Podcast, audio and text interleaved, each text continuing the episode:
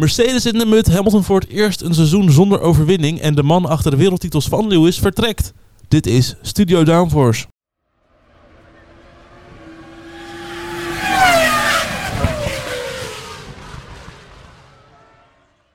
Hallo allemaal en wat leuk dat je luistert naar een nieuwe aflevering van Studio Downforce. De achtste aflevering van de Winterstopcast. We gaan bijna richting de start van een nieuwe seizoen. Vandaag uh, bespreken we Mercedes. We blikken terug op het afgelopen seizoen van Mercedes. En we blikken ook vooruit op het aankomende seizoen van Mercedes. Dat doe ik niet alleen, dat doe ik met Lies. Hi Bram. Hallo. En met Elias. Guten Tag. Guten Tag. Elias, als uh, mensen onze podcast willen luisteren of zien, wat kunnen zij dan doen? Dan kunnen ze ons volgen op sociale media. Wij hebben uh, Facebook, wij hebben uh, LinkedIn, wij hebben Twitter en we hebben Instagram. Je kan ons volgen op studio.downforce op Instagram. Dan hebben wij een uh, leuk accountje klaarstaan voor je.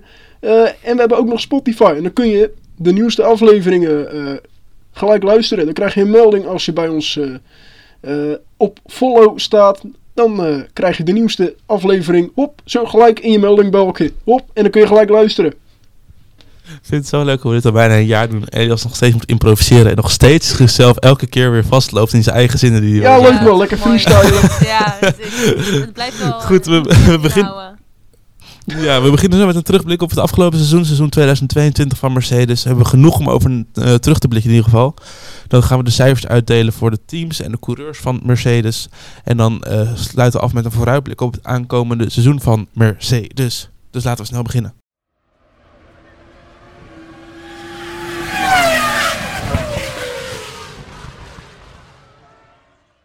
En we beginnen met een terugblik op het afgelopen jaar 2022. Een seizoen met uh, ja, wel wat hoogtepunten, maar ook best wel wat dieptepunten. We gaan beginnen met die hoogtepunten. Lies? Ja, die, uh, dat waren er toch een stuk minder, denk ik wel, dan de dieptepunten. Maar we hebben ze kunnen vinden.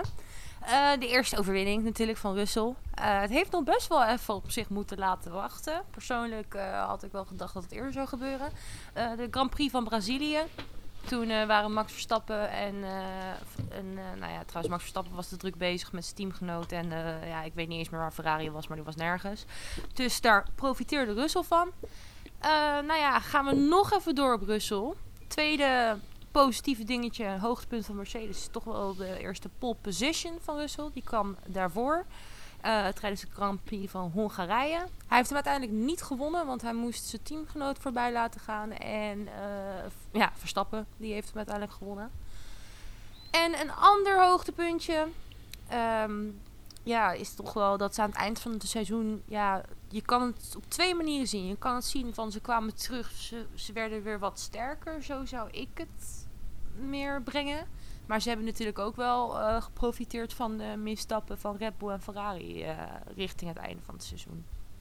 Dus dat waren. Ja, zeker weten.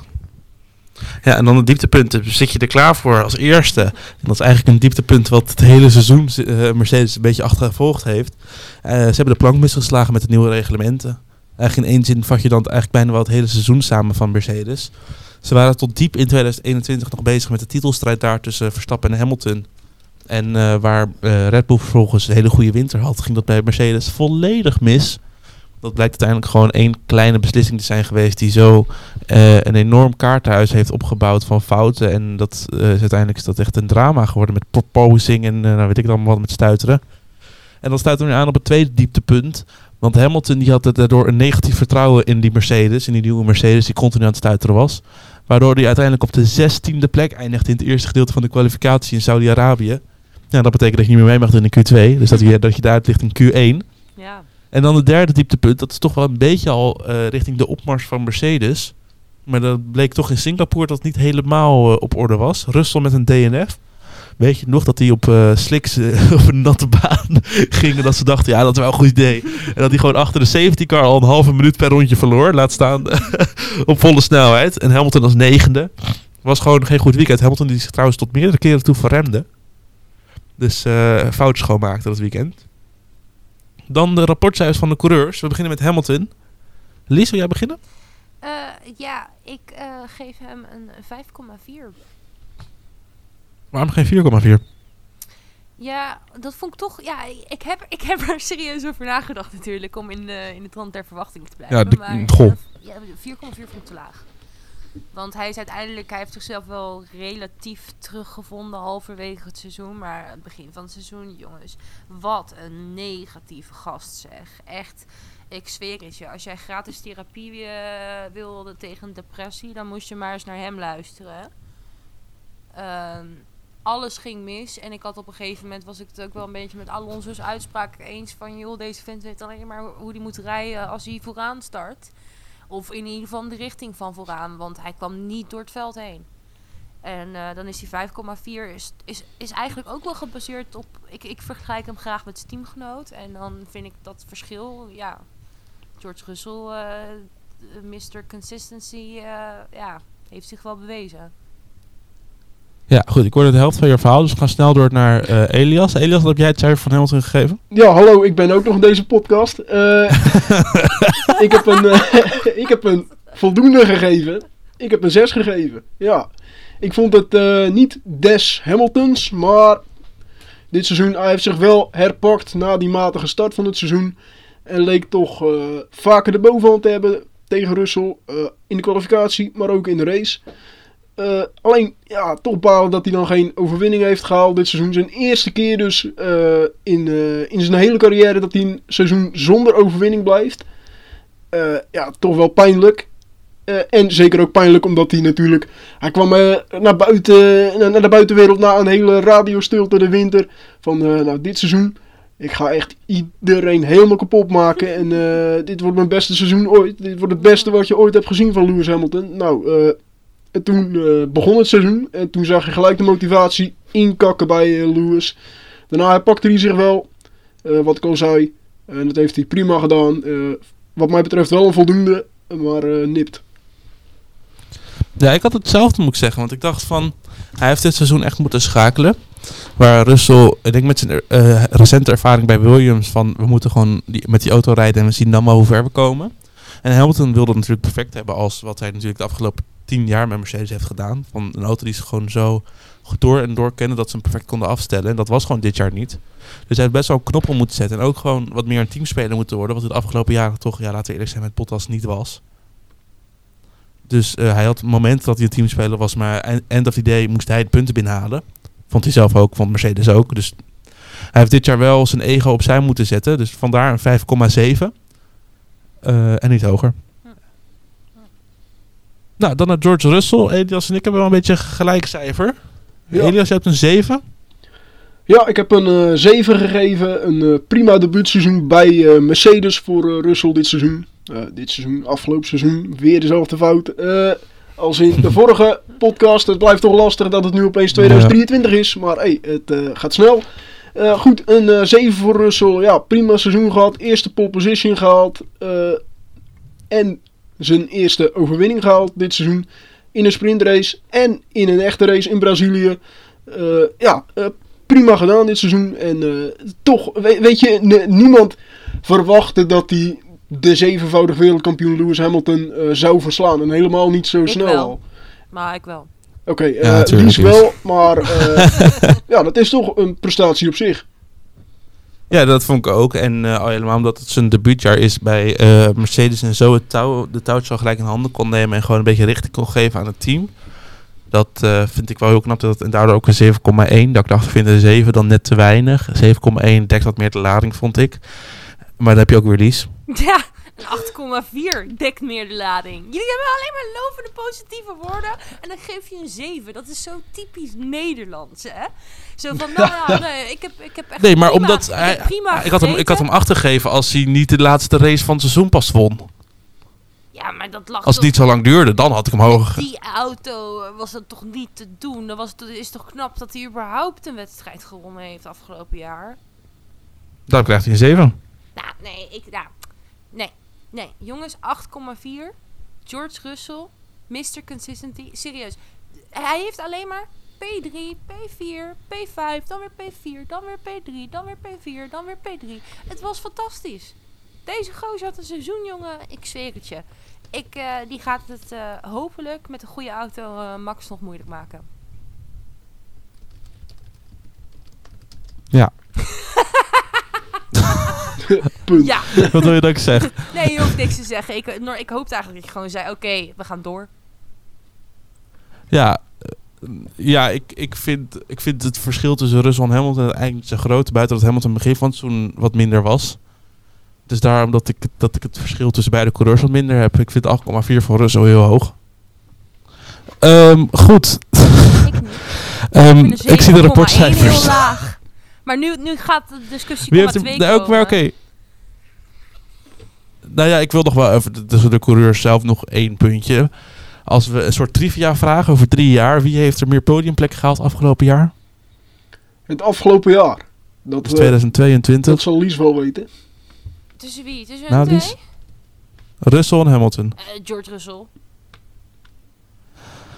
Ik tel 1, 2, 3, 4, 5, 6, 7, 8, 9 podiumplekken voor de heer Hamilton. En 1, 2, 3, 4, 5, 6, 7, 8 podiumplekken voor de heer Russell. Ik haat het als je echt zo precies... Wil je nog een, wil je nog een 8,1 maken? Of? Nee, 8,4. Oké. We gaan door. Rapportcijfers. Ehm, en dit is een beetje in de trend net met Alpine. Normaal doen wij een beetje een gemiddelde van beide coureurs is het teamcijfer. Daar wijken we bij Alpine en Mercedes graag vanaf. En ik denk ook bij Ferrari dat we daar graag vanaf wijken. Ehm, ik eindig met Lies, want Lies daar moet het over hebben. Elias, jij hebt een 5 gegeven. Ja, ik heb een 5 gegeven. Eh, het was eh, voor een team dat vorig seizoen wereldkampioen werd. Was het eh, zwaar ondermaats. Tuurlijk, het zijn nieuwe reglementen. En ze slaan de plank mis, dat kan gebeuren. Maar voor een team als Mercedes had ik dat zeker niet verwacht. Ook omdat hun zeiden van we gaan eerder naar, eh, naar ja, de auto van 2022. Dat zeiden ze dan in 2021. Mhm. Eh, ja, dus dat je dan in 2021 al eerder begint dan bijvoorbeeld Red Bull en dan zo achter de feiten aanloopt, dat vind ik wel eh, schrijnend. En dat vind ik ja, de kampioen onwaardig, zeg maar. De kampioen van 2021 als constructeur. eh, dat die op zo'n achterstand wordt gezet door Ferrari en Red Bull in één winter. Dat vond ik eh, opvallend. Ja, dat is ook zeker. Ik heb ze een ehm, 5,4 gegeven. En ik denk dat dat eh, nog lager was geweest als ze niet de comeback hebben gemaakt die ze het eind van het seizoen gemaakt hebben. Dan had ik denk ik een 4 gegeven het seizoen, omdat ze toch van wereldkampioen naar de derde plek gaan in het constructeurskampioenschap. Dus dat is gewoon niet goed. Daar kan je lang of kort over hebben. Maar dat ze wel uiteindelijk nog een overwinning hebben gehaald. Dat ze echt in Brazilië echt wel de snelste auto met afstand waren. Dat geeft gewoon hoop voor 2023 voor de Mercedes-fans. Waarvan ik weet dat ik in ieder geval één iemand niet heb die niet zo'n Mercedes-fan is. Eh, en dan heb ik niet over jou, Elias. Ehm, Ik dus ik heb ze Mercedes. 5,4 ge- Oké, ik heb ze 5,4 gegeven. Lies, wat is je cijfer? Ik heb ze een 2,0 gegeven. En ik wil dat best toelichten. Ehm, volgens mij was al redelijk vrij snel duidelijk aan het begin van het seizoen dat die no sidepods gewoon eh, no party was. Dus ze hadden die sidepods. Ze, ze, hadden gewoon dat, dat hele idee. Ze hebben te lang vastgehouden aan een idee waarvan ze stiekem diep van binnen al wisten dat het niet ging werken. En nog iets waar ik me heel erg aan geërgerd heb afgelopen seizoen. Maar dat is niet alleen, eh, niet alleen Mercedes, dus daar ga ik Ferrari ook nog straks over bashen. Is eh, dat als jij dan een wedstrijd hebt waarin je eigenlijk niks te verliezen hebt, dat je er alsnog voor kiest om ze met z'n tweeën op een veilige strategie te zetten. En niet een van de twee denkt van, oh ja, nee, fuck it, weet je wel. We gaan, eh, we gaan even out of the box. Laten we eens een keer iets lijps doen. Ja, maar dit is, het, dit is, het, dit is de... We zijn de top van het veldsyndroom. Ja, Want alleen een Williams kan zich dat veroorloven. Ja. Alleen een Williams kan zich dat daadwerkelijk goed verantwoorden. maar is toch gek? Want als Mercedes dat doet en ze worden achtste, dan, kunnen, dan zijn er altijd dan mensen ook met die daadwerkelijk iets betekenen in de Formule 1 die zeggen van ja, maar als je het veilig had gedaan, had je zesde plek, had je meer punten. Terwijl bij Williams, weet je, of je, of, of je nou dertiende of achttiende wordt, dat boeit niet zoveel. Nee, ik snap het. Het zat Maar ja, waarschijnlijk in, bij- in hun hoofd, weet je wel. Van, eh, van oh ja, het gaat, om, het gaat om de meeste punten en het risico moet je zo min mogelijk Ja. nemen. Maar ik had echt... Ja, ze eh, hebben het één keer geprobeerd in Singapore. ja, ja, nee, ik wist, ik wist dat je niet ging, dat je niet ging ja. Maar het is ook gewoon een slecht voorbeeld. Maar weet je wel, eerlijk, ik, ik, had, ik had, dat had ik dan gehoopt. Is af en toe qua bandenkeuze had, had de een even op een andere strategie gezet of zo, weet je wel. Nou, ik kan alvast een disclaimer geven. Volgend jaar, als ze een snellere auto hebben, gaan ze dit niet doen. Maar dat zou ik Goed. wel terecht vinden. Eindoordeel. Ja, precies. Dan hebben ze het werkelijk iets om om te vechten. Eindoordeel kunnen we kort over zijn. Geslaagd seizoen of niet? Niet. Nee. Nee, eh, zeker niet. Eens. Precies, dan gaan we... Nou, hè, hè, fijn, je bent het er eens met mij. Door naar de vooruitblik voor volgend jaar.